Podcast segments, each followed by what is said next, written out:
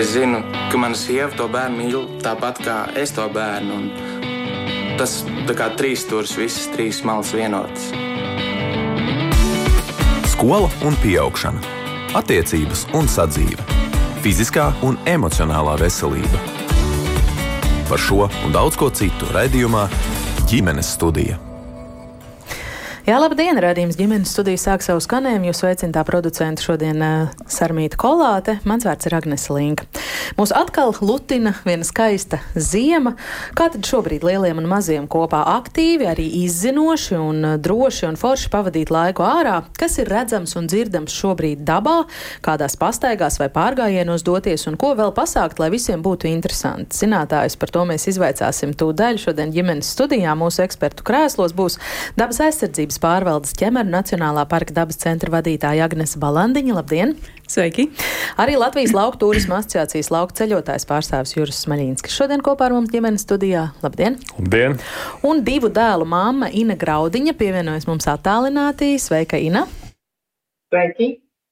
Kā laži arī jūs klausītājs esat laipni aicināti iesaistīties šajā sarunā, piedalīties, ja ir kas sakāms, mēs gaidīsim jūsu pieredzes stāstus, jūsu foršās idejas, padomus vai kādus komentārus. Ja tāda sarunas laikā rodas, droši neturiet sveci zem pūra, rakstiet mums Latvijas radio um, LV ir mūsu mājaslapa un tur jāatrod poga nosūtīt ziņu raidījumam ģimenes studija. Droši izsakiet savas domas un ierosinājumus. Agnes, es gribu vispirms vērsties ar jautājumu pie jums. Kas tad šobrīd notiek dabā, cik mm, visaptverošs vai varbūt mānīgs ir tāds ziemas miers un ziemas miegs, un viss ir apsnidzis un aizputināts, un nekas nenotiek, viss ir vienkārši balts. Vai tā ir, vai tā nav? Ja mēs salīdzinām ar citām sezonām, Ziemas sezonā, protams, ka tā miera ir vairāk. Nu, pilnīgi objektīvi. Tā ir, jo liela daļa putnu ir devušies prom, liela daļa citu dzīvnieku ir ziemas guļā. Nu, līdz ar to, jā, ir tāda sajūta, ka tajā ziemā viss sastingst. Bet, dodoties dabā, protams, ka ir redzams, ka gluži tā tas nav, jo tie dzīvnieki, kur tomēr izvēlas palikt šeit un joprojām ir nomodā, viņi, viņiem ir kaut kas jāēd, viņiem ir jā, jā, jābūt rosīgiem arī ziemas sezonā. Un, dodoties dabā, šādos te īpaši sniega apstākļos, to vislabāk arī var pamanīt.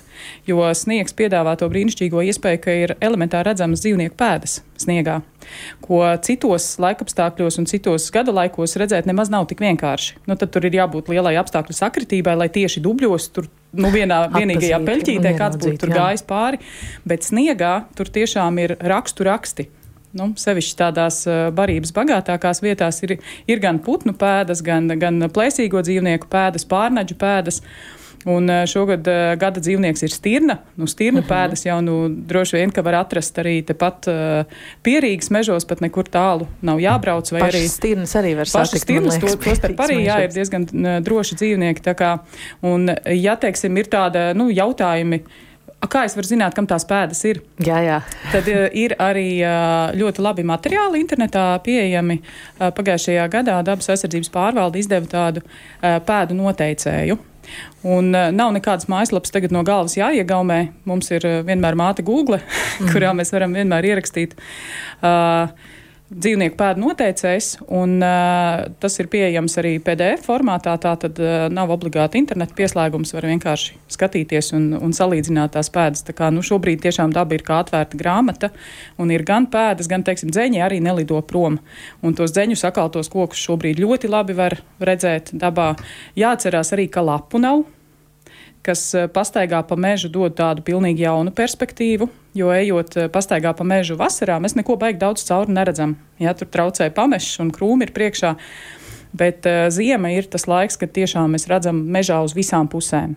Uz augšu, to starp, ja, tāpēc bezlapa periods ir ļoti labs periods arī, lai meklētu, piemēram, lielo putnu līgstas. Jo, nu, teiksim, ja izdodas tādu ieraudzīt, tad ir ļoti labi noziņot dabas datos, ka ir redzēta tāda liela līgsta. Protams, tos pašus iemītniekus mēs šobrīd neredzam un nezinām, kas tur dzīvo. Bet uh, visi šādi atklājumi ir ļoti vērtīgi un var palīdzēt atklāt jaunas līgstas, kas līdz šim nav zināmas. Mm. Tā kā nu, katram gada laikam ir sava specifika. Un uh, ziemai to starp. Ziemā var darīt tādas lietas, ko, ko citos gadalaikos nevar. Ja, Mazs precizējošs jautājums man kā nesaprašai. Barības, barība ar barību bagātas vietas jūs pieminējāt. Kā mēs tās uh, izvēlamies, zinām, virzamies uz tādām? Jā, nu tās ir. Uh, Parasti ziemai nākot, tie dzīvnieki, kas ir spējīgi ar cilvēkiem sadzīvot, viņi pārvietojās tuvāk apdzīvotām vietām. Tāpēc, piemēram, apdzīvotās vietās mēs biežāk nekā parasti redzam tās pašas stirnas, lapsas. Ja, tie, kas ir spējīgi ar tiem cilvēkiem sadzīvot, tie pārvietojās tuvāk, jo viņi zina, ka cilvēks parasti nozīmē barību. Nu, ne jau tiešā veidā, protams, bet, bet vienkārši nu, cilvēka tās atstātās lietas, protams, nodrošina to barības pieejamību. Bet uh, mežā ir jāskatās, teiksim, uh, dzeņi, protams, izvēlēsies tos uh, savus uh, iemīļotos kokus. Jā, parasti, teiksim, dzilnas uh, vairāk būs lapu koku apkārtnē, ja tad, teiksim, tie, tie dumbrā ir tāda laba vieta, kur, kur vērot tieši dzeņus. Uh, Bet, uh, principā, ir katram dzīvniekam mazliet citi. Nu, stīrnes vēl ārpus apdzīvotām vietām, viņas būs uz, uz laukiem, ja, kur, kur mēs skatāmies, ko viņi ēd. Ja, teiksim, maļņi arī viņi pārtiek no tām krūmu atvasēm, ja, brieži arī meklē zāli. Nu, tad skatāmies, kur ir tās atklātākās vietas, mežmalas. Ja, tur, tur arī tos dzīvniekus var. Bet, nu, liela, protams, ka lielāka iespēja, ka mēs redzēsim pēdas, uh, nevis pašu dzīvnieku. Jo dzīvnieki pārsvarā tomēr no tās uh, satikšanās, tiešās satikšanās ar cilvēku izvairās visi. Un, uh, tā kā pēdas būs tas, pēc kā mēs sapratīsim, ka tas dzīvnieks te ir bijis. Un kā pieaug vai samazinās iespēja tos dzīvniekus vai tās pēdas ieraudzīt atkarībā no tā, vai mēs ejam pa kādām marķētām, tādām uh, turistu populārākām dabas takām, vai mēģinam kaut kādu paši savus ceļus meklēt un iet kaut kur mežā uz dullo. Es teiktu, ka tā iespēja uh, atkarīgs, kur jūs izvēlaties, jo marķētas takas ved pa ļoti dažādām vietām. Tā pati mežtaka, uh, viņa šķērso arī tādus apvidus, kas ir stipri maz apdzīvoti.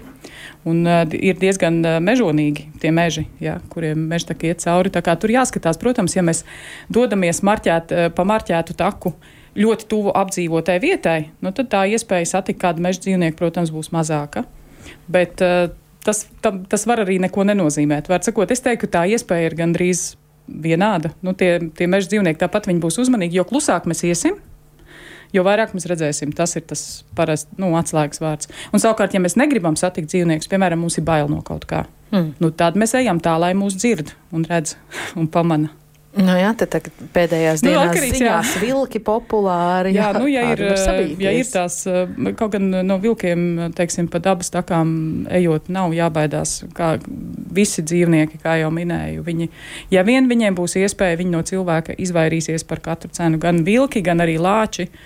Nu, mm. Viņi dariet par sevi zinām, ja jums ir bailes no lāča, mēģiniet palīdzēt viņam saprast, ka jūs tur esat uzdziedat dziesmiņu.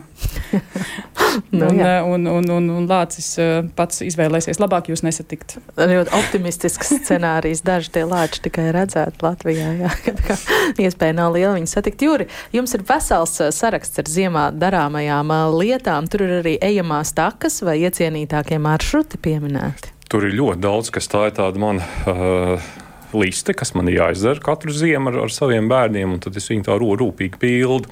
Bet es gribēju paturpināt Agnēs stāstīto. Jā, ar tām pēdām ir ārkārtīgi interesanti, un es pats ar bērniem šo sestdienas svētdienu staigāju, un mēs pētījām tās pēdas. Un tas ir tāds ļoti interesants interpretācijas process, jo pirmkārt, ja pēda ir kaut kur uzzīmēta noteicējā, ja tā pēda nekad tāda nebūs dabā, viņa būs drusiņi pakususi, drusiņi būs sniedziņš ieputinājis, iešķība, iešķība sūnās uz ceļa un tam līdzīgi līdzīgi. Vietām tas, dzīvnieks, tās tirnīja ir bijusi slinka, viņi ir pavilkusi tās pēdas, tad tu atrod kaut kādu līgsdiņu, kur viņi iekārtojas, lai viņai drusku siltāk būtu gulēt. Un faktiski ir, ir ne tikai vērts mēģināt atpazīt to pēdu, skatoties daudzus piemērus, bet arī pasekot tām pēdām un pasīties, ko tie dzīvnieki mežā ir darījuši, un pēc tā, mm. un pēc viņu arī netiešā veidā atstātām pēdām. Nevis tas, kas ir ķepēdas, bet kaut kur kociņš pagrausts, kaut kur kaut kas padarīts padarīts, kaut kur kaut kas iekārtots. Un tas, tas ir uh, fantastisks uh, interpretācijas process ar bērniem, kur jūs varat iet un pētīt un, un justies kā pēdziņi, jā, kas mūsdienās uh, nu, ir kaut kas tāds varbūt neierasts. Varbūt nav nemaz tik svarīgi precīzi atšifrēt konkrētās pēdas, bet Tieši vairāk tā. ļauties fantāzijai Arī un šai fakts. izziņas sajūtai. Bet, jo, jo jūs vairāk pēdas at, apskatīsiet dabā, jo vienkāršāk pēc tam būs viņas dažādās situācijas atpazīt. Un tad jau pēc dažu dienu pēdu lidošanas Ah, tur labs mm. pa, pacilpoja, reku zaķīts ir sēdējis un reku stirniņi ir, ir, ir grauz uz koku. Ja. Jūs mm. faktiski kļū, kļūstat par profesionāliem pēdziņiem, bet tas nav tā, iet mežā ar grāmatu rokā un tagad es te visas pēdas noteikšu. Uh, bet man liekas, ka ziema ir interesanta ar to, uh, ka ziemā var darīt to, ko nevar jebkurā citā gada laikā, un tas ir vērot dažādus um, dabas veidojums, kas saistīti ar temperatūras izmaiņām. Nu, mēs, piemēram, zinām, ka drusku, drusku nokrīt temperatūra pa dažiem grādiem ziemā, un tie, tie laika apstākļi visu laiku mainās, jo bija jau arī pali decembrī. Mēs pat laivojam pa māru pīti, ap citu ar vienu lietu, ko var darīt, ja var laivot palos, uh, bet, uh, kad paliek tā starp, starp tādiem diviem atkušķiem drusku vēsāks daži grādi, tad, piemēram, ir viena tāda ledus sēde, kas, kas uh, izdala tādas ledus veidojumus, veidos ledus mati. Nu, tādus nekad citādi nevar redzēt. Bet tādi jāprot jāprot atrast. Uh, Diezgan specifiski. Jā, bet tad, kad jūs varētu. vienreiz atradīsiet un sapratīsiet, uh, kādos apstākļos viņas veido, veidojas, tad jūs ieraudzīsiet viņu ļoti bieži. Uh, pirms divām nedēļām es ar bērniem staigāju pa tādu dūņainu palieni, un tur mēs uh, atradām to, ko es pats nekad mūžā nebiju nu, ieraudzījis, jo tas nav nekas īpaši redzams. Ledus adatas, ja tā ledus eh, matu sēne, tas ir tāds bioloģiski fizikāls process, tad ledus adats veidojas no tādiem smalkiem, smalkiem eh, kapilāriņiem ūdenim sūcoties no zemes un sasalstot. Staigājot ar jūru, piemēram, jūra, tā kā jūs redzēsiet, ir fantastiskākos ledus veidojumus. Varbūt paveiksies ledus bumbas redzēt, tur ir sarežģīts process, kā tās ledus bumbas veidojās, bet varbūt tas šobrīd nav tik svarīgs. Ja? Bet nu, tādu olīšu ripinās dažādu izmēru. Gar upju krastiem staigā atklājot fantastiski ledus veidojumu, ledus kritumi gan uz ūdens kritumiem, gan arī, piemēram, no, no atsegumiem, gan dolmīt, gan smilšakmens, kur sūcās ūdens, veidojas milzīgas lāstakas, dažādas dabas parādības, sārma, piemēram, sērsne. Cik forši ir, ka tu vari Uh, paņemt ar velospēdu un braukt pa sērsni. Tas, ir, nu, tas, protams, negadās bieži. Uh, biežāk tu vari iet, bet uh, gadās arī ļoti sasalusi sērsni. Sārma kokos tas ir vesels tāds no, nu, fotogēns pasākums. Vai, piemēram, nu, šogad nav bieži gadījies, bet gadās. Um, zvaigžņota debesis. Un ziemā, kad uh, atmosfērā ir mazāk putekļu, nu tad gan no Īslandes vulkāna droši vien atkal būs uh, atmosfēra drusku piesārņota un, un redzamība, jūs varat skatīties un vērot zvaigznes. Piemēram, nu, mēs ar meitu gājam slidot uz mazu, mazu tādu piemājas dīķīšu. Un, Un mums Jupiters, nu, Jupiters nav zvaigzne planēta, ja, bet uh, jebkurā gadījumā nu, ir aplikācija, piemēram, kur tu vari pastīties, uh, kāda planēta vai kāda zvaigzne šobrīd ir redzams tādās piena ceļu pavērot. Ja. Tas atkal uh, nu, darīt ir vairāk nekā ir iespēja izdarīt. Jā, nekā brīvā laika. Ūdenskritumus pieminējāt, starp citu par tiem ziemā sasalušajiem ūdenskritumiem. Zinu, ka uh, daudzi latvieši jūsmo un nesās uz kaimiņu valsti Igauniju apskatīt. Tur ir vairāk tādi iespaidīgi, kurus punktus tad pie mums atzīmēt kartē un, un kur šis ir skatāms mūsu pašu zemē? Jā, nu, Igaunija vienkārši ģeoloģiski savādāk veidojas. Ir tiepaši ziemeļkrastā, tur ir tie skaistie mm -hmm. leduskritumi, kur ir ziemeļgaunijas glīns, jeb kāpla. Bet uh, tāpat vēns rūma, kas asals tagad gan bija aplūdusi, bet uh, tas nenotiek bieži, nu, reizi plus mīnus desmit gados. Bet es teiktu, tāda jau Agnes pieminētā meža taka, Gaujas Nacionālais parks, kur ir mazo, mazo upīšu gravas, kur tiešām šajā brīdī var redzēt katru reliefu formu, var redzēt pilskalnus, ko varbūt neredz eh, staigāt, un, un, un gar gaujas krastiem un gar amatas krastiem tur šie ledus kritumi ir. Eh, Siguldas pusē ir, ir eh, mums dažādi ūdens kritumi. Nu, šur tur Daugavas, apludinātās Daugavas ar pļaviņām un koknesi veidojās, bet uh, nu, atkal tā informācija ir viegli atrodama un, un uh, tikai kas, kas ir ļoti svarīgi šiem ledus veidojumiem, nu jārēķinās, ka šodien ir un rīt var nebūt. Ne? Jā, tas, eh, piemēram, tās ledus matu sēnes, eh, izveidotie mati, viņi nokūst eh, dažu, dažu stundu laikā, kad viņi izveidojās. Ja šobrīd ir, tad šobrīd ir jāiet. Starp citu, mūžs dzīvo mūžu mācies. Jūrtaku esmu daudz dzirdējusi, un Agnes pieminēja, un arī jūras atsaucās meža taku, nu, bet izstāstiet, kas tā tāda ir. Nu, es domāju, ka to jūs lai izstāstā. nu, mēs jau gan ar Agnēs eh, esam gājuši kopā gan meža, gan jūrtaku un uh, atsevišķu posmus, bet uh, nu, Lonely Planet uh, jau ceļvedis nominēja kā ilgspējīgs turismu galvenmērķis. Tā kā uh, šie ir abi divi garo distanču pārgājienu maršruti, kurus mēs Latvijā um, uzsākam nu, salīdzinoši nesen, 17. gadā veidot, un tagad ir izveidoti. Un tagad mēs pilnveidojam, arī, arī atsevišķas vietas mēs iekārtosim cilvēkiem ar īpašām vajadzībām. Uh, tā kā projekts iet uz priekšu priekšu. Un, starp citu, mēs bijām ļoti pārsteigti laika gaitā, arī vērojot sociālos mēdījus un, un citus. Jo tad, kad mēs uzsākām abu šo maršrutu veidošanu, mums likās, ka cilvēki vies pamatā vasarā. Nu, vasara tas ir tas laiks. Un tāpēc aptaujām un to, ko mēs redzam gan dabā, gan sociālos tīklos, cilvēki kā reiz izvēlās daudz vairāk staigāt rudenī, pavasarī, un arī ziema ir, ir fantastisks laiks. Mm. Es, piemēram, šonadēļ atkal ķēru brīdi, kad es varētu kādu brīdi, brīdi un posmu no jūrtaks noslēpot, jo tas negadās Jā. bieži. Bet tad, kad tas ir, tad, tad tajā brīdī ir jābrauc. Tas moments ir jāķer. Jā. Vienīgi jautājums, kāpēc tā jūrtaka tāda populārāka šķiet? Nu, jūra. Taka gar jūru. Mm. Tā ir iespēja iet vienkārši, nu, ir cilvēki, kas ir dabā gājēji, tādi ar pieredzi, Viņiem nav nepieciešams šis papildus iedrošinājums, pamudinājums kaut kur doties. Bet ir vesela virkne cilvēku, kas tā kā mazliet baidās vieni paši dabā iet. Viņiem ir bail, ka viņi apmaldīsies, ka viņi īsti nezina, kur sākt, un viņi īsti nezina, kur beigt. Jūrtaka un mežtaka piedāvā šo te pilnīgi nu, punktu pa punktiņam izstāstīto scenāriju, kur es varu sākt, kur es varu beigt, kur man tur ir transports. Ā, tas kartē izskatās šādi, un katram posmam ir pieejams apraksts. Līdz ar to ir cilvēki, kas kā, mērķiecīgi iet, nu, tas ir gandrīz tā tāda misija, viņi posmu pa posmam, kā tur atvaļinājumi sakrīt ja teiksim, vienā gadā noiet vienu vai divus posmus, un tad atkal nākošajā gadā. Tas vienkārši ir ārkārtīgi ērti lietotājiem. Tā kā kolekcija. Nu, jā, tieši tā. kolekcija, tāpēc arī vērotāji. Jā, jā, jā. Bet eh, papildinot abas Agneses, eh, kāpēc jūrteki ir populārāk mežteki? Es domāju, mums, eh, es izvirzu tādu hipotēzi, ka mums ir jāmēģina tādos dziļos, dziļos zemapziņas slāņos, kad, kad cilvēks vēl dzīvoja dabā, un jūrtaka, jūra ir, ir atklāta teritorija. Jūs faktiski redzat 180 grādus grādus, eh, kas jums notiek apkārt. Mežā ejot, ja apkārt ir koki. Cilvēks jūtas mm. bailīgi, vai aiz koka kāds var slēpties. Mm. Nu, šajā gadījumā kāds plēsīgs zvērs, es, es lieku pēdiņās, protams, ja, jo tad, kad tas cilvēks. Uh, no tām Āfrikas savānām nokāpa lejā, viņiem bija pietiekami daudz to, to, to briesmu. Es domāju, ka tas kaut kādā ziņā mums zemapziņā ir palicis, ka ejot mežā, mēs jūtamies bailīgāk nekā atrodoties jūras krastā. Nu, tā hipotēze man. Mm -hmm. Dosim vārdu arī Inai. Ina ir ilgāko laiku pacietīgi klausīsies mūsu aizrautīgajā ievadā. Gribu tad eh, lūgt arī jums izstāstīt, kā jūs ar savu ģimeni kopā ar saviem eh, diviem gana vēl mazajiem bērniem eh, baudāt ziemu un, un piedzīvojat ziemu. Māks teiksim, jā, puikas vēl gan man, vienam ir 11 mēneši un vienam ir 2 gadi un 11 mēneši.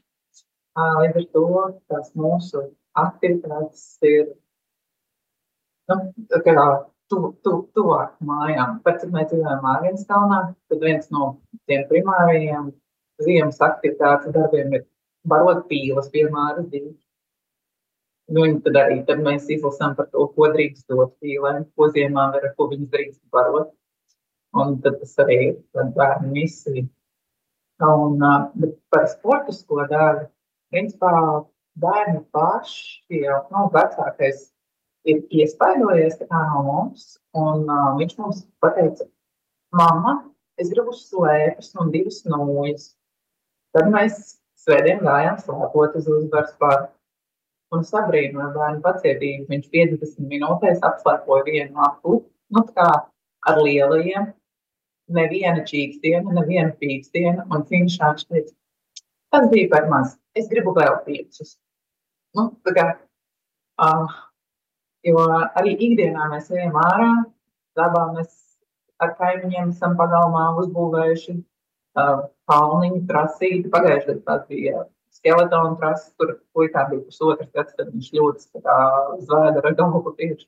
Šodien mums ir kamaniņa trase, ko kā dzīvesbiedrs ar kaimiņu ir uzbūvējuši, un tāda jau ir augstāk, tad ir nopietnas, tad, tad, tad, tad, tad braucamais. Un, un, un, un, nu, arī par cik dzīvesbiedrus mēs esam skrējēji, tad arī tās pašas daudzas nacionālā parka tākas, viņš brauc katru svētdienu izskriet, Un tad arī bērni zina, ka nu, arī lielais piedalās stirnu bukā. Nu, tas gan ir vasaras periodā, bet ziemā viņš zina, ka tētis skrien, ka tētim ir garais treniņš, un tas ir pa takām, tas ir grūti, tas ir kalnā. Un, un tad viss, kas, kas ar to saistīts. Un man liekas, ka mēs tieši ar savu piemēru bērniem parādām to, ka vajag iet ārā, ka vajag iet dabā. Un, un, un, un, un ka vajag tās fiziskās aktivitātes, nu, ne tikai nu, sēdēt mājā, divānā un neko nedarīt. Jo mums nav slikti laika apstākļi, lai dotos ārā. Mums ir tikai piemērots apģērbs, bērni tiek saģērbti un maidā. Arī šodien no rīta mēs jau esam paspējuši būt ārā, izdauzīties pa sniegu, pa kupenām. Un, un, un tas, tas, tas, tas mums pilnībā nav šķērslis. Arī kamēr mums vēl bija tikai viens puisis, mēs tās pašas tīrulīšu dabas pārtāks esam izstaigājuši bērns somā uz muguras. Un, un, un, un tas, tas, tas pilnīgi nav šķērslis. Arī šobrīd uh, mazajiem ir rati rādavas, nu, ratiņus ir ar milzīgi lieliem ritiņiem. Jā, tiesot, tiesot, tiesot, uh, visur gājēju rati, kā man te pierakstīts jūsu dasjē. Jā, tā arī ir. Jo, nu, tiešām, jo mēs nevēlamies, lai bērni būtu šķērslis un apgrūtināts. Mēs nevaram tā kā, nu, esam, mūsu dzīves ir apturētas, ka mēs tagad pēkšņi kaut ko varam nedarīt.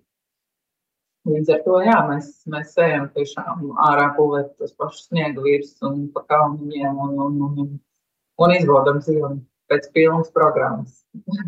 Nu, jā, jau lūk. Neskatoties uz to, kas ir ārā. Jā, lūk, mums te klausītājs arī raksta, ka jums tur studijā viss ir skaisti, bet pēdējo nedēļu hauss gan uz dzelzceļa, gan autoceļiem doties pie dabas ir jābūt lielam avantūristam un krievu ruletes spēlētājiem, jo pat nevar saprast, kurš ceļš ir iztīrīts un kur būs līdz jostas vietai jābrien, jābrauc cauri. Un viņš vēl raksta, ka viņam kaziņas nāk eh, ciematā dārzā, kā pie sevis uz mājām, tā kā nemaz nevajag uz mežu iet, lai zvērus atrastu. Nu, nedaudz skeptisks, jā, mūsu pirmais rakstītājs. Mm, nē, sava daļa, protams, ka taisnības ir, jā, bet uh, man jau kaut kā liekas, uh, ir ziema. Nu, un ziema nāk ar, ar saviem laikapstākļiem, ar savām stihijām, mēdz būt puteņi, ilgstoši puteņi, un tad mēs arī redzam, ka tās problēmas ir visur. Nu, Latvija nav unikāla ar to. Mm. Bet toties mēs esam ziemai gatavi, un eh, dabā arī tas eh, ir jāņem vērā, ka jā, tie apstākļi būs dažādās vietās dažādi. Pamatā ir tā, ka dabā, daba ir daba, un ziemā apstākļi arī dabas takās ir tādi, kādi nu viņi ir. Un ar to ir jārēķinās.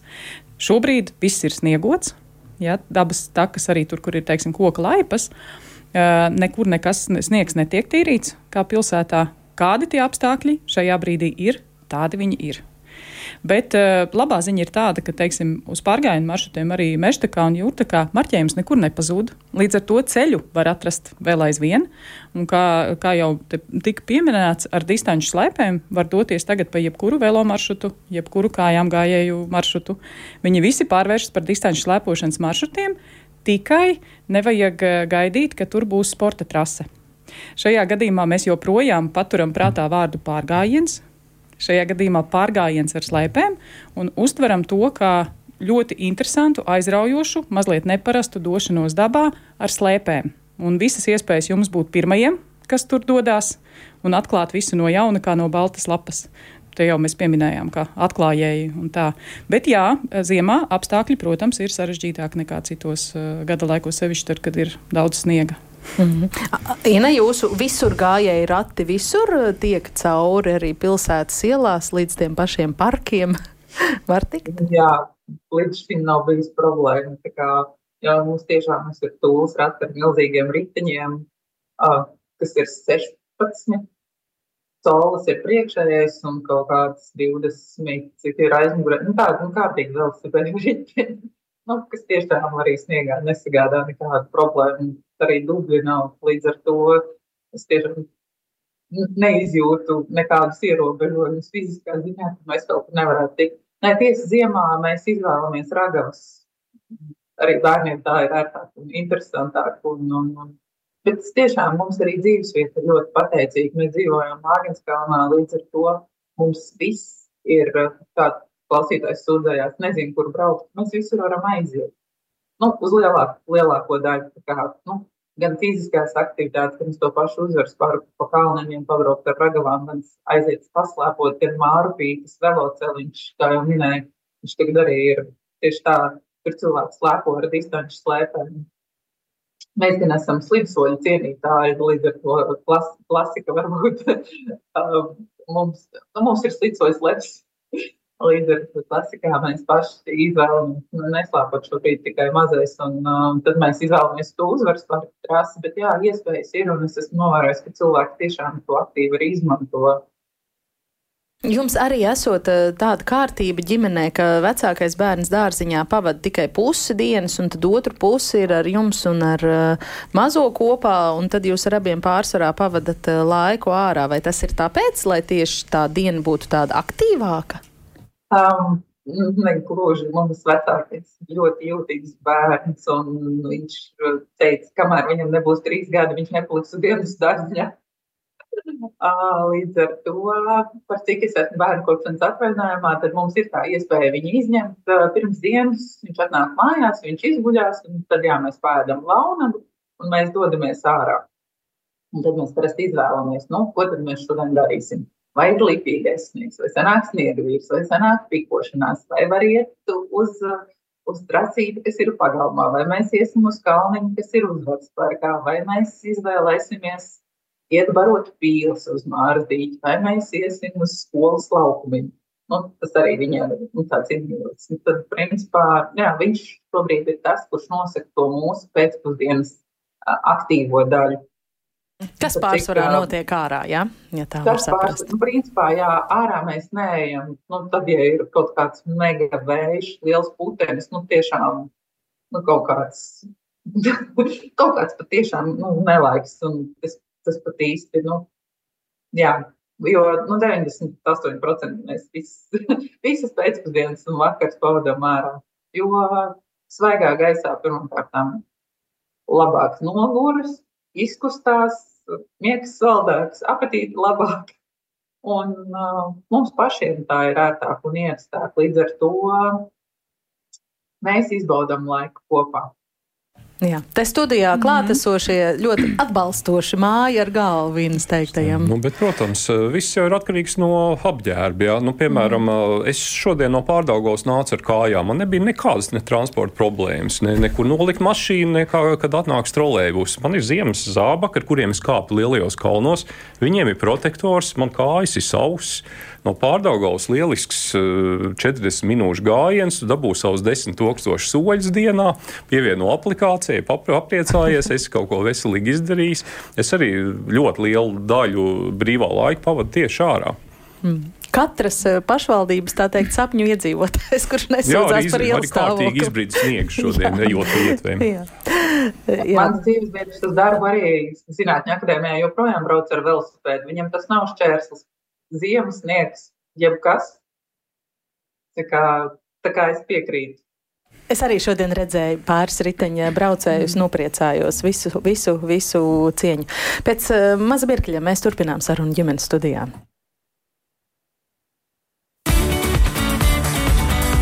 Mēs tiekamies ģimenes studijā. Jā, un atgādināšu, ka šodien te runājam par to, kā šobrīd visai ģimenei aktīvi, tā jēdzīgi pavadīt laiku ziemā, ārā, ārā arī dabā, ārā arī pilsētā, kādas aizraujošas nodarbes varam izdomāt, kādus maršrutus un aktivitātes ieplānot, un sarunas dalībnieki šodien šeit ir dabas aizsardzības pārvaldes ķemeru Nacionālā parka dabas centra vadītāja Agnese Balandiņa, lauku turisma asociācijas lauku ceļotājs pārstāvs Juris Smaļinskis, arī divu dēlu māma Ina Graudiņa, kas pievienojusies mums mm, attālināt attālināti. Uh, šobrīd mūsu sarunai piepulcēsies vēl arī divu bērnu tētis, uh, Nikita. Viņa meitai un dēlam šobrīd ir 5 un 6 gadi. Viņiem abiem ar sievu pārgājiena dabā ir uh, sevišķi tīkams laika pavadīšanas veids alažiņu bijis, tāpēc pie tā mērtiecīgi kopš mažām, mazām dienām ir radināti arī abi viņu bērni. Un Nikita padalīsies gan ar šo pieredzi, gan vēl ar kādām dažām idejām, kā viņi visi kopā interesanti ziemā pavada laiku ārā pārgājieni gan vasarā, gan ziemā. Tas ir pats top, top, ko mēs uh, labprāt darām. Mēs braucam ar tādu domu, ka mēs ejam izbaudīt uz sniegu. Teiksim, ja tur ir tā ugunskura vieta, mēs paņēmām kaut kādas 3-4 pagalas malciņu mugursomā ielikām. Tāpēc, ka nu, mežā tur uz sniegam mēs nu, tā, diezgan uh, apgrūtinoši, es domāju, ka uzkurināt ugunskura. Un sagatavot kaut kādu ēdienu, un, protams, ēdienu vajag arī gan līdz pārgājienā vietai tas ir tāds sneki un ēdiens, tas ir tas, kas uztur bērnu tādu vēlmi. Konkrēti mūsu bērniem, viņiem nepatīk vienkārši iet pa taisno tāpsņu. Tās ir garlaicīgi, pēc 15 minūtēm jau āja, man ir apnika, Tad viņi vienkārši mēģina kaut kur krūmos līst. Man patīk, kad ir, kad ir grūti un kad ir jākāp kaut kur, tad jālien tur. Tā viņi saka. Tāpēc mēs tur tā kā bišķi paiem, pa ceļam kaut kādu tur sneki, sneki, tur paspēlēties, kaut kādas spēles, ja tur jūt, ka viņi tur jau tad nicojas vai kaut kas tāds, tad ķēpi, līdz paiesim, un tad piknikiņš tur būs, viss būs. Tad, ja tur viņam vēl tur uznāk kaut kāds, nu, pārnes mani, pārnes mani, tad uzspēlējam kaut kādu spēli. Mēs citreiz iztēlojamies, ka mēs esam kaut kādi pasaku varoņi, viņam patika vienu brīdi. Es biju Elza. Tad es tur būru sniegu, un tad viņi skrēja no manis. Un tāda veida ar tādu spēli, visforšāk, viņi pat nepamana, kā paiet tas laiks, un tu gribi noiet no, kaut kāda gabaliņa un parādīt. Um, bet viņi kā vēl tajā nesaprot, kur tā, tā baudīšana. Bet, kad viņi atrodas tajā mežā, pēc tam ir tas ugunskurs un pasēdēt. Un, protams, tur visi pēc tam pārguruši un noguruši un mājas slāpji. Bet, kad tas viss aizmirstās pēc pāris dienām vai nedēļām, tad skaties un radi viņam tās bildes. Jā, bija tik forši. Es gribu vēl tēti, kad mēs brauksim atkal pārgājienā. Un tad tu saproti, jā, ka tas ir eh, nostrādājis. Tāda veida mēs saprotam, ka mēs varam viņus uztrenēt, iemīlēt to, kas mums patīk. Un varbūt, ja paaugsies, tad mēs varēsim tādus nopietnākus pārgājienus kopā iet. Pie Sīguldas kamaliņa trases vecas. Tur ir tā loja, kas ietiek gaujā. Lojas upe, un viņa tāda ļoti likumaina ļoti. Un tur forša, forša ļoti tatni tieši no, no sākuma līdz trasi sanākot 3 km un atpakaļ 3, nu, 6 km. Beigās ir apskates objekts. Tas posms ir ļoti interesants, tiešām pie upes, likumais, tur jārāpjas. Jā, bija ziema, un mēs ar sunīti. Nu, viņam bija visu laiku interesanti. Viņi visu laiku tur rāpās, kurš ātrāk, kurš pirmais atcentās. Mēs nonācām, beigās pikniks, jā, un atpakaļ. Protams, atkal atpakaļ bija tieši tas pats. Tur, nu, es nevaru, es nevaru, bet nonāca viss kārtībā. Sākās viss ar to, ka mēs meklējam vienkārši pārgājienu takas ar bērniem. Tur googlējot vispārīgi par takām ir eh, daudz, daudz resursi, un tu skaties, nu, te, teiksim, tādā attālumā, uz ko tu vari aizbraukt. Ideāli, protams, ja tā taka vēl, nu, ir kaut kāda apaļveida, kaut ko tur pāris kilometru tādu pa taka. Nu, viņi katru reizi, kad tu ej tu pa to taku, tu jau atrod kaut ko jaunu. Bet nu, bērniem jau tiešām tas nav jau tieši par to taku. Viņam tā būšana tajā mežā ir pats svarīgākais. Nezinu, iekāpt kaut kādā kupenā, tad paņemt to koku, tur ir kaut kāds ledutiņš vai kalniņš, tur zem krūmiem, tur palīst kaut kur. Tas jau tas process, ja pēc tā visa vēl kaut ko var uz, uzkost, tad ir vispār. vai, teiksim, mežā un dabā ejot, jums ir arī svarīga kaut kāda izziņa? Protams, mēs stāstam. Es nezinu, ja viņiem rodas jautājumi, vai arī es redzu un es gribu viņam pastāstīt.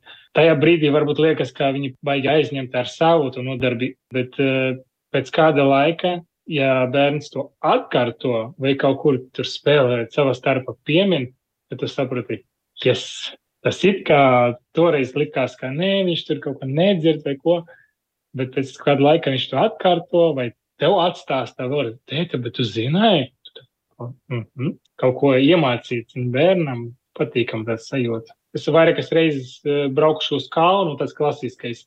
Bet viņam kaut kā, mēs aizbraucam, viņi tur pāris reizes nošļūst ar tam ragavam, un tad viņam tā īsti vairs negribās. Viņi tur nomet, un tad viņi skrien atkal kaut kur tur. Viņi bērni jau, bērni jau atrod jebkurā vietā to spēli.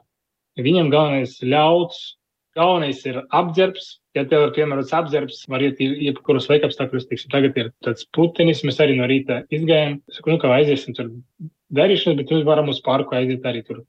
Un tad sākat sniegt, un uh, viens bērns ar, ar ritini brauc, un es viņu stūmu tur tajā ritini pūš, tur, un viņš krītas. Nu, tur ledus, nu, tur nevarēs pabraukt. Viņš, nē, es gribu, es gribu. Es saku, nu, labi, viņš pabrauc tur, nezinu, kaut 30 metrus nokrit. Es saku, nu, tu redzi, viņš nekad Viņš ceļās un brauc, brauc, brauc. Viņš nokrita atkal. Kamēr mēs tur tos trīs kilometrus aizbraucam līdz parkam, viņš tur jau vairākas reizes nokritis. Bet uh, civarī ir viss kārtībā, sniedz viņš mīksts. Bet, ko es gribēju pastāstīt, nu tad bija tur baigi daudz sniega.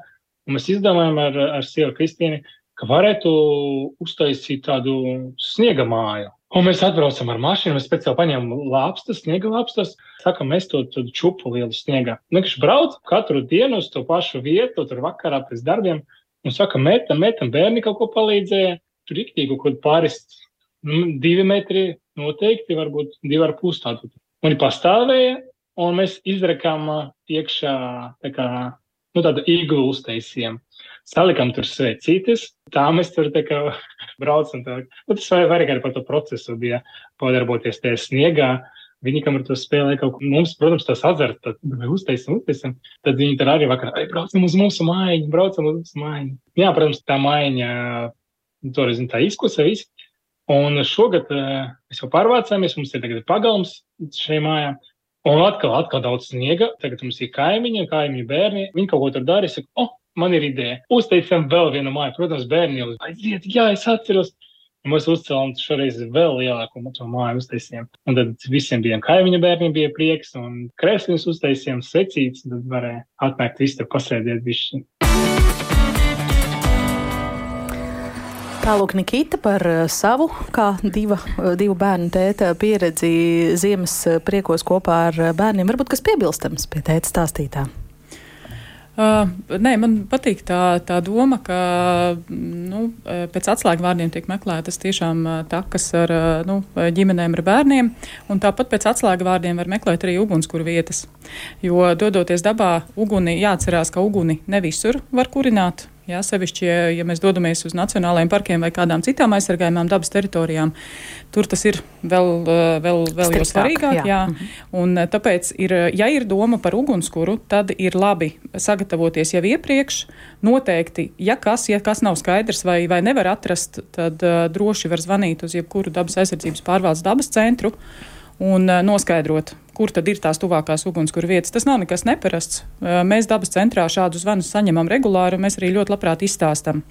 Jo tiešām tās vietas, nu, ļoti bieži ir, ka cilvēki vienkārši nezina, nu, ka nevar tā. Kaut arī ir ziema, ja, bet, bet tās ugunskura vietas ir tur, kur viņas ir. Hm, un, Kāpēc? Nu, Kāpēc tas ir svarīgi nedarīt jebkur?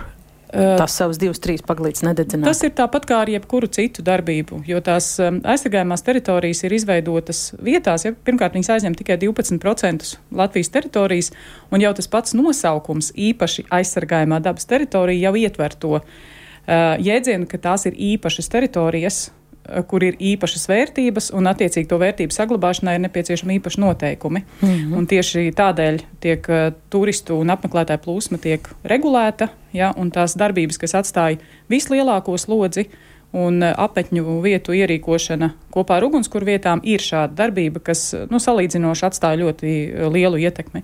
Un līdz ar to tās ugunskura vietas ir speciāli izveidotās vietās, un tas ir jāpaskatās pirms tam, jo tas uh, novērš visa veida pārpratumus un arī palīdz labāk sagatavoties, sevišķi, ja ir mazi bērni. Un, Agnes, tagad mēs taču esam uh, izstrādājuši dabas turismu ētikas kodeksu pagājušajā mm -hmm. gadā, kur Jā, ir faktiski visi šie tradicionālie jautājumi uzdoti un ir atrodams mm -hmm. atbildes. Ja, vai es varu kurināt ugunskura piekrastes kāpa aizsargu joslā, vai es varu kurināt Nacionālā parkā, ja jā, tā kurā vietā. Ja. Mm. To visu var šobrīd atrast. Tā ir viena lieta, ko es gribēju papildināt, un otra jau minēju, bet papildināšu vēl savu teikto, ka mēs arī jūrtaku, mežtaku segmentēsim šajā gadā, un esam jau to daļai izdarījuši, bet tas vēl publiski nav, kur būs arī atsevišķa tāda informācija ģimenēm ar bērniem. Tā skaitā ar ratiņiem, jo arī tā ir viena lieta, ko mums diezgan bieži uzdod, vai jūrtaku vai mežtaku var iet ar ratiņiem, ja? un tad, vai braukt ar velospēdu. Nu, tad tur būs tās atbildes, kur ir tie piemērotie posmi, bet nu, tajā pašā laikā saprotot, ka ne visi ir tik ļoti uzņēmīgi, ne visiem ir visur gājēji ratiņi, ja? tas, protams, arī, arī ļoti relatīvi. Ja? Bet vismaz mēs centīsimies eh, tos posmiņus vai to posmu daļas iezīmēt, ka šito jūs varat iet ar bērniem un arī daļai izbraukt ar ratiņiem. Mm. Ina, grib arī jums eh, vaicāt, varbūt par ko eh, domājāt vai ko pasvītrot no tēta teiktā, kaut ko piebilstu viņam? Jā, es tieši par, nu, viņš stāstīja, ka viņi to māju būvēt, man uzreiz arī asociācijas, mums ir kolosāli kaimiņi. Pagalmā mums ir bērni vienu vecumu, un tad mēs arī gan cietokšņus, gan sniega vīrus, gan tās pašas krasas. Nu, ko tik viņi paši neizdomā? Kad, nu, viņš, viņi katru vakaru iet ārā un taisa un būvē un strādā. Un, ja kāds ir atnācis un izjaucis, tad nākamā dienā pārdzīvo atkal. Un, un tā, un tas, bet tas tiešām ir tā, ka, ka bērniem ļoti patīk darīt nu, vienu un to pašu. Viņi nu, ir tādi, nu, Un, un plus otrs ir, ko, ko, ko teica teica par to, ka bērniem tā selektīvā klausīšanās, viņi ļoti labi visu patur prātā, kustībā. tev liekas, ka viņi nedzird, kad viņš atnāk mājās, viņš tev atstāsta pilnīgi visu, ko viņam esi stāstījis. Jo viņu atmiņa šobrīd, nu, ir īpaši nu, man divgadniekam, viņam ir fenomenāli, viņš ir kā sūklis. Viņš uzņem pilnīgi visu, un tad tev pēc kāda laika tikai pastāsta. Bet māma, tu teici tā un tā un tā un tā un tā.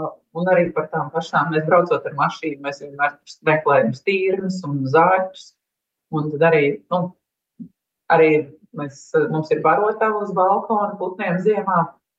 Un viņš jau arī, viņš atšķir zīlītes no zvirbuļiem un, un dzēnis un rekur lielais balots un kāja un zīriņš un kas tik tur viņam neldo. Un tad es arī tā, es varu tikai nobrīnīties par to, ka tiešām tāds mazs bērnu prāts uzsūc šo visu. Tāpēc es noteikti iesaku vecākiem izmantot iespēju iet ar bērniem dabā, stāstīt un runāt un, un nebaidīties no tā, ka viņi ir mazi, jo viņi tiešām uzsūc visu informāciju un, un ir tiešām maz gudrinieki. Un kā tētis teica, ir patīkami sajūta bērnam kaut ko iemācīt, bet šeit man gribas piebilst, tev ir kaut kas jāzina un pašam jāprot un jāspēj atpazīt un ieraudzīt, lai tu viņam to parādītu, vai ne? Tas jau ir jautājums arī par vecāku redzesloka plašumu, ja tā var teikt.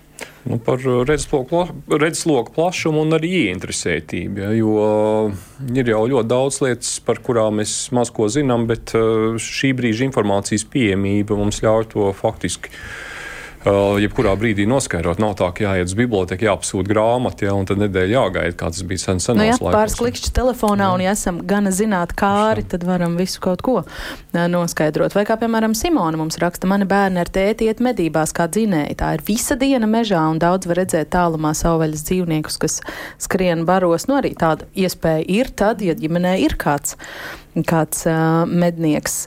Varbūt jūs varat arī dot kādus pāris padomus, iedvesmas vai ierosmes tiem vecākiem, kuru bērni vairs nav tik mazi, piemēram, par pusauģiem runājot. Kādā brīdī tie, kas ir arī daudz, vis kaut kur vecākiem priecīgi līdzi gājuši un visu klausījušies un pēdas un zvērus skatījušies un putnus ievērojuši, pēkšņi pienāk tāds brīdis, kad viņš sāk tā pamazām sabotēt šīs ģimenes mm -hmm. kopīgās aktivitātes un tad viņi sāk protestēt garas viņu jūsuprāt, vienmuļas, pastaigas, priekš kam tas viss, kā noturēt šajā brīdī varbūt to interesi par, par kopīgām aktivitātēm, tā skaitā kopīgu ārā iešanu, dabā iešanu. Jums ir kāds, kāds padoms? Uh. Dabas aizsardzības pārvaldes atbilde pusauģu vecumam ir jauno rangeru kustība. Uh, jauno rangeru grupas darbojas visos nacionālajos parkos un Ziemeļvidzemes biosfēras rezervātā. Jā, tā nav vairs laika pavadīšana kopā ar ģimeni, bet pusauģu vecumā aizvien lielāka nozīme ir tieši domu biedriem tajā vecumā. Attiecīgajā, nu, tas ir jāpieņem, tāds vienkārši notiek. Un, mēs tad dodam tieši pusauģiem šo iespēju. Tas pamata vecums ir no 13 līdz 17 gadiem. Un, darbojas jaunieši ļoti aktīvi, un, un tā interese, cik mēs vērojam, tā interese saglabājās. Ja? Un uh, daļa jauniešu, pat tad, kad viņi sasniedz 17 gadu vecumu, viņi tā kā nav gatavi atstāt šo draudzīgo pulciņu. Viņi turpina darboties jau kā jaunieši, jo ir arī jauniešu kustība pēc tam uh, saucās uh, Jūs Plus. Un uh, mūsu jaunieši šobrīd ir arī uh, Eiroparka federācijas jauniešu padomē ievēlēti no Latvijas. Tā kā uh, ir, jauniešiem ir interese par dabu, tad, ja to pasniedz tādā viņiem saprotamā, attraktīvā veidā, Un tad viņi kaut kā, ja tā interese ir izveidojusies tajā agrīnajā vecumā, un viņiem ir ļoti pozitīvas atmiņas par to, nu, mūsu vērojumi liecina, ka viņi nekur nepazūd arī pusauģu vecumā. Jā, viņi notiek savādāk, ne, varbūt ne tik daudz kopā ar vecākiem, bet tie jaunieši tāpat viņi, viņi nāk, un, un tas ir tas mūsu mērķis. Mēs negribam viņus izaudzināt visus par biologiem. Mūsu mērķis ir, lai, tā, lai viņiem ir izpratne par dabas procesiem, par likumsakarībām, neatkarīgi no tā, ko viņi darītu. Mm. Jo mums šādu, šādi cilvēki izglītot ir vajadzīgi pilnīgi visos līmeņos. Mm drusciņi izvilkt, iz, iz, izglābt Jā. no tām Netflix eh, skavām, varbūt uz brīdi. Juri, jūs arī esat tad, tīņu kad, tētis. Tieši tā, un tad, kad man viņi, viņi bija pavisam maziņi, ap citas ar viņiem esmu gan mežā, gan jūrtak izgājis, tad man daudz cilvēki teica, redzējis, izaugs lieli, tad vairs neies tev līdzi. Ja. Iet vēl, jā, un, kā var noprast. Nu, mazāk, un es tieši to pašu gribu tagad no savas puses teikt, nu, izmantojot katru katru minūti, sekundi, kad, mm. kad viņi nāk līdzi. Jo, jo, jo, tas jau ir normāli, ka viņiem ir tagad savas darīšanas. Bet man, man ir ar dēlu, man ir tēva un dēla pasākumi. Mēs katru gadu braucam gabaliņu apkārt Latvijas robežai. Mēs esam apbraukuši, tagad mums droši vien mēs turpināsim Igauniju. Man ir tēva un meitas pasākumi, tie nedaudz atšķirās savādāk, bet nu, katram jau tā, tā pieredze ir individuāla un katram attiecības un bērni ir, ir, ir savādāk. Tāda universāla recepte droši vien nav. Nu, jā. Un tuvojoties sarunas izskaņai, mums ir tāds vēl mm, mazs mm, padoms no praktiskās un noderīgās informācijas vācelītes. Proti, ģimenes studija lūdz arī Bērnu klīniskās universitātes slimnīcas eh, bērnu ķirurgu traumatologu ortopēdu Jānu Upenieku izstāstīt, kas ir tas, ko mums lielāku un mazāku bērnu vecākiem darētu atcerēties ziemas priekus eh, baudot. Eh, arī šo noklausīsimies un liksim aiz auss. Viss ir atkarīgs no tā, ko jūs izvēlaties darīt. Tad, ja jūs, piemēram, ar ģimeni nolemsiet iet pastaigāties mežā, jā, pārgājienā vai rīkosiet ziemīgu pikniku kaut kur meža takās, tur ir, protams, jāliek uzsvars uz piemērotiem ērtiem apaviem apģērbiem, lai negūtu nekādas termiskas traumas, lai nebūtu apsaldējumi un tam līdzīgas lietas. Pavisam cits stāsts būs, piemēram, tad, ja jūs izvēlēsieties šo, šo te brīvo dienu pavadīt aktīvi, piemēram, uz kalna ar slēpēm, ragaviņām, dēli, vienalga, ko citu braucamu šļūcamu brīku, tad lielāks uzsvars jāliek tam, jā, lai bērni viens otram neuzbrauktu virsū, lai viņi izvēlētos, nu, teiksim, drošu šo te trajektoriju, īpaši tad, ja pieaugušais ir blakus, jā, tad nereti, ja runa pa mazākiem bērniem, tad ir ļoti svarīgi, lai pieaugušais arī viņus, nu, nedaudz tā kā novirzītu, jā, piemēram, jau uz tā kalna ir bars ar bērniem, nu, tad varbūt visiem nav jābrauc pa vienu šo te trajektoriju, varbūt kāds bērns tikmēr, kamēr Jāncīts šļūts pa vienu malu, tikmēr Anniņa var nobraukt pa otru malu, jā, lai neradītu iespēju vienam otram uzbraukt virsū.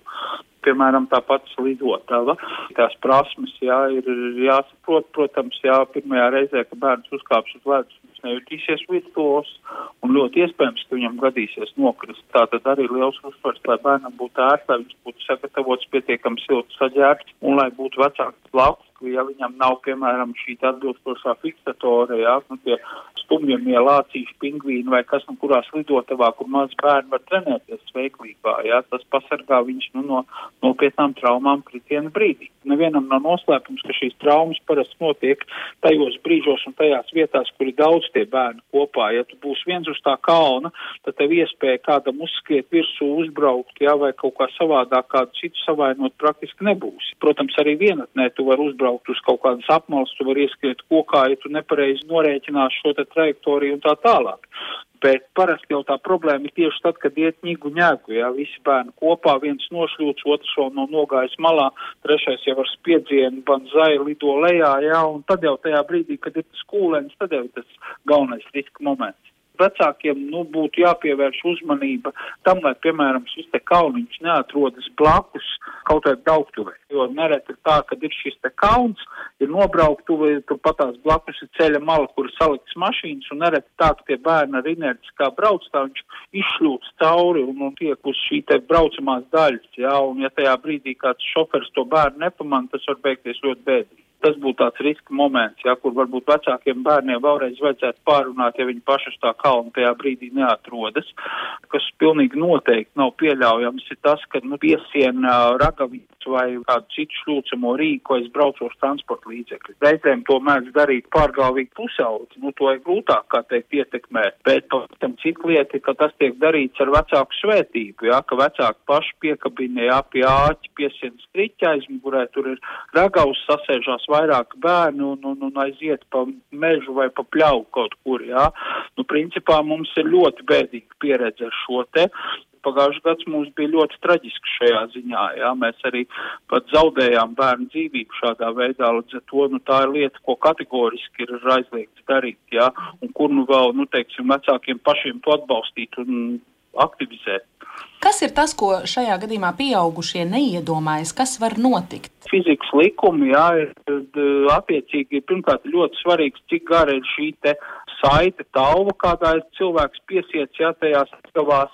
Otrs, ja teiksim, kāds ir pagrieziens, kāds ir braukšanas ātrums, tur patās blakus var būt kaut kādi augoši koki vai kaut kādi grāvi vai kaut kādas apmalas soliņi un tā tālāk. Ja, un, ja neizrēķina to trajektoriju, tad tas bērns piesietajās ragavās vienkārši ar, ar visu spēku, piemēram, ar tām ragavām atsitīsies pret šo, piemēram, objektu. Ja, un tas jau ir tas galvenais riska moments braucot pie stūres, viņš var izrēķināt trajektoriju, prasmīgs šofers, kādā viņš pārvietosies. Bet izrēķināt reizē arī to, kādā trajektorijā lidos pagriezienā šīs te ragaviņas, nu, es baidos, ka tas nemaz nav tik vienkārši. Vai ir kaut kas eh, piebilstams, mums vērts pieminēt arī kaut ko par eh, ledu un ūdens tilpēm? Nu jā, tur, kur mums ir kaut kāds stāvošs ūdens tilpnis, kaut kādi dīķi, ezeriņi, jā, tas ledus kārt ir izveidojusies, bet būtībā bieži vien ir tā, ka mums ir ļoti grūti precīzi pateikt, cik biezi viņi ir un cik lielu svaru viņi spēj izturēt. Un paši tad, kad sākās atpušņu laiks, jā, kad tas ledus biezums var strauji samazināties, tas ledus var plaisāt, tad, diemžēl, ļoti jāuzmanās, un tas vēlreiz varbūt bērniem jāpārunā, jā, lai, piemēram, nu, ja cilvēks grib izvēlēties tādu brīvdabas lidotāju. Šām bauda ziemu ļoti dažādi, tas droši vien ir arī tas eh, labais un eh, skaistais, un eh, uz šīs pozitīvās nots novēlot, lai mums visiem tas izdodas gan droši, gan aizraujoši. Šodien arī atvadīšos no ģimenes studijas šīs dienas viesiem šeit klātienē mūs ar savu klātbūtni pagodināja dabas aizsardzības pārvaldes ķemera Nacionālā parka dabas centra vadītāja Agnes Balandiņa un arī Latvijas lauku turisma asociācijas lauku ceļotājs pārstāvs Juris Smaļīnskis. Un paldies arī Inai Graudiņai, divu bērnu mammai, kas mm, bija kopā ar mums eh, ģimenes studijā šodien attālināti. Klausieties mūs arī podkāstos Latvijas radio mobilē lietotnē un sekojiet ģimenes studijai sociālos uz sadzirdēšanos. Ģimenes studija. Vecāku sabiedrotais jau vairāk nekā desmit gadu